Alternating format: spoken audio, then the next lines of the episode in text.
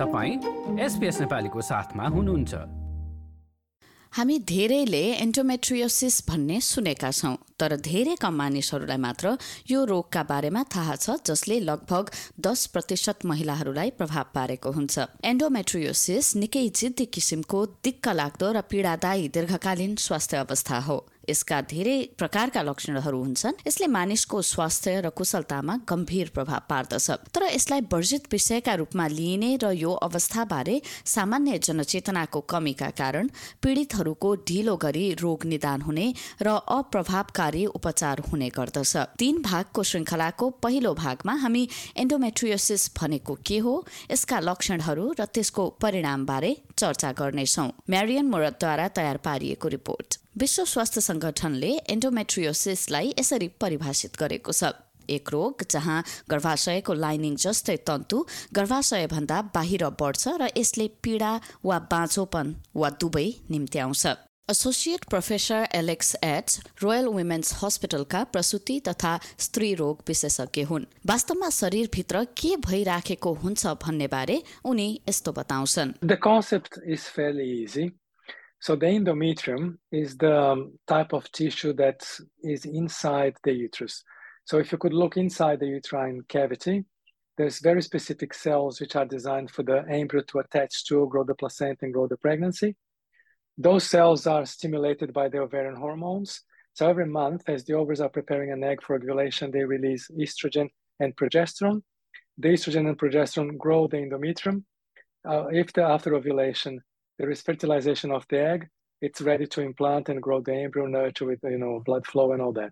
When there is no pregnancy, then the endometrium peels off, exposes the veins. That's why there's the menstrual bleed, and then it grows again.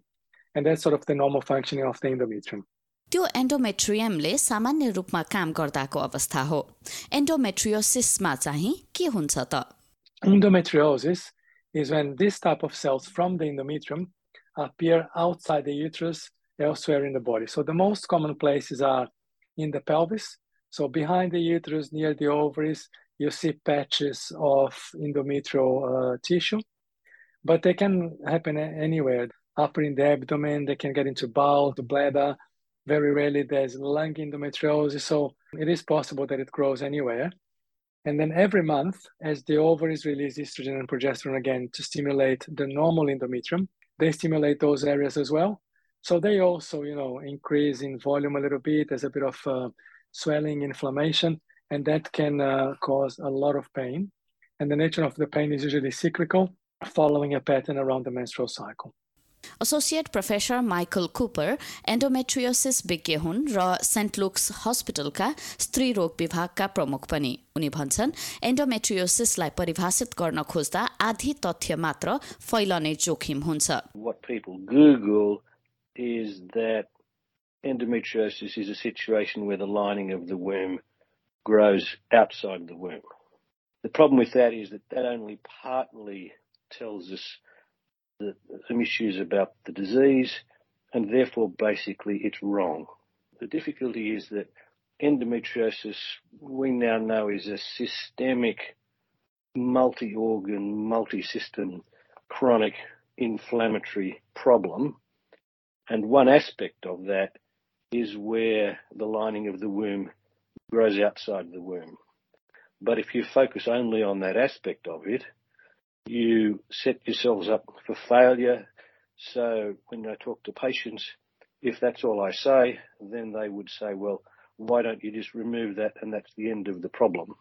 But it doesn't work like that. विश्व स्वास्थ्य संगठनले विश्वभर लगभग उन्नाइस करोड मानिसहरू एन्डोमेट्रियोसिसबाट प्रभावित भएको आकलन गरेको छ यो संख्याले प्रजनन उमेर भएका दस प्रतिशत महिला तथा किशोरीहरूलाई समेट्छ यो संख्या अस्ट्रेलियामा झन धेरै हुन सक्ने एन्डोमेट्रियोसिस अस्ट्रेलियाकी प्रमुख कार्यकारी अधिकृत एलेक्सिस वोल्फले बताइन् Worldwide, the number is one in 10 women, girls, and those who are gender diverse. However, in Australia, we've done further research and it's actually one in nine. So there's 830,000 women, girls, and those who are gender diverse that will experience endometriosis at some point in their life. एन्डोमेट्रियोसिसबाट गुज्रिएका अस्ट्रेलियाली महिलाहरूमध्ये cat सेगर्स पनि एक हुन्। उनले यसको लक्षणहरू अनुभव गर्न सुरु गर्दा भाग्यवश उनलाई एन्डोमेट्रियोसिसका बारेमा केही थाहा थियो र उनी त्यति बेला किशोरी थिइन्।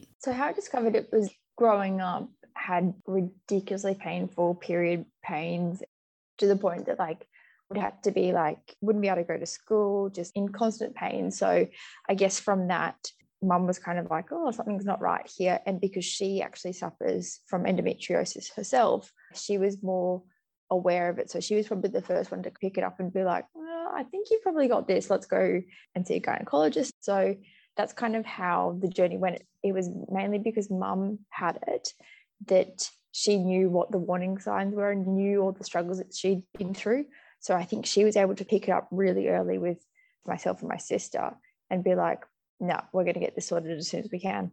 प्रत्येक मानिसहरूमा यसले भिन्न किसिमको प्रभाव पार्ने भएकाले एन्डोमेट्रियोसिसका बारेमा बुझ्न गाह्रो हुने एलेक्सिस वुल्फ बताउँछिन् The symptoms are varied. Predominantly, most patients report debilitating pain, predominantly around their menstruation, but also around ovulation. That is generally one of the main reasons why someone may present at a GP. But we also have other symptoms which include infertility, uh, fatigue, bloating, and much more. The, the disease itself is so vast that sometimes piecing together the symptoms can actually be part of the puzzle. यो रोगले व्यक्तिको शारीरिक मानसिक र सामाजिक कुशलतामा असर पार्दछ। यसले मानिसहरूको अध्ययन र पेसालाई अगाडि बढाउने क्षमतामा असर पुर्याउँछ साथै उनीहरूको सम्बन्धहरू र क्रियाकलापहरूमा प्रभाव पार्दछ। महिनावारीको समयमा हुने दुखाइका साथै कुल प्रभावित मध्ये आधीको संख्याले यौन सम्पर्कसँग सम्बन्धित दुखाइ पनि भोग्ने गरेका छन्। It's very common to have pain with intercourse as. Because endometriosis, you know, at the back of the cervix can cause pain in that situation. If the endometriosis get into bowel, some women report pain when they have a bowel motion, which uh, can be very distressing. And depending where the endometriosis is, you know, there could be pain around the bladder. Some women report um, pain near the chest if the endometriosis is above the liver. So other kinds of pain are possible as well but less common. Michael Cooper यसका लक्षणहरू अझ बृहत हुन सक्ने बताउँछन्. People with endometriosis will have multiple issues going on. A lot of people get pre-menstrual spotting and weird menstrual issues, pregnancy issues with increased rates of miscarriages, issues with um, premature delivery, and then there's a, a whole pile of systemic chronic inflammatory things issues such as chronic fatigue and autoimmune problems like thyroid things, for example, which are overrepresented in, in people with endometriosis. And then somewhat weirdly, and again, we don't understand why, but there appears to be increased rates of things like melanomas, not drastically, but, but you know, there's those sort of issues. केही अवस्थामा एन्डोमेट्रियोसिसले प्रजनन क्षमतामा पनि असर पुर्याउँछ। यो रोगका कारण गर्भाधारण हुँदैन भनेर ठोकुवा गर्न सकिँदैन तर गाह्रो हुने कुराले मात्र पनि धेरै बिरामीहरूको बच्चा पाउने निर्णय प्रभावित हुन्छ। सेगर्सको अनुभवमा पनि यसले उनको बच्चा नपाउने निर्णयमा केही भूमिका खेलेको छ। Swayed my opinion ever so slightly by knowing that there is the struggles with fertility. That kind of reinforced my decision to not really have children. This is my choice, but I don't want to go through the struggles of having all of the fertility issues and go through like the freezing the eggs because of that that's definitely changed my opinion about if I want children or not. एन्डोमेट्रोसिस भएका साठीदेखि सत्तरी प्रतिशत महिलाहरूमा प्रजनन क्षमता रहने विश्वास गरिन्छ। गर्भधारण गर्न समस्या भइरहेका महिलाहरूमध्ये मध्ये आधा संख्याले कुनै उपचार बिना नै अन्तत गर्भधारण गर्ने गरेको पाइन्छ। एड्स भन्छन्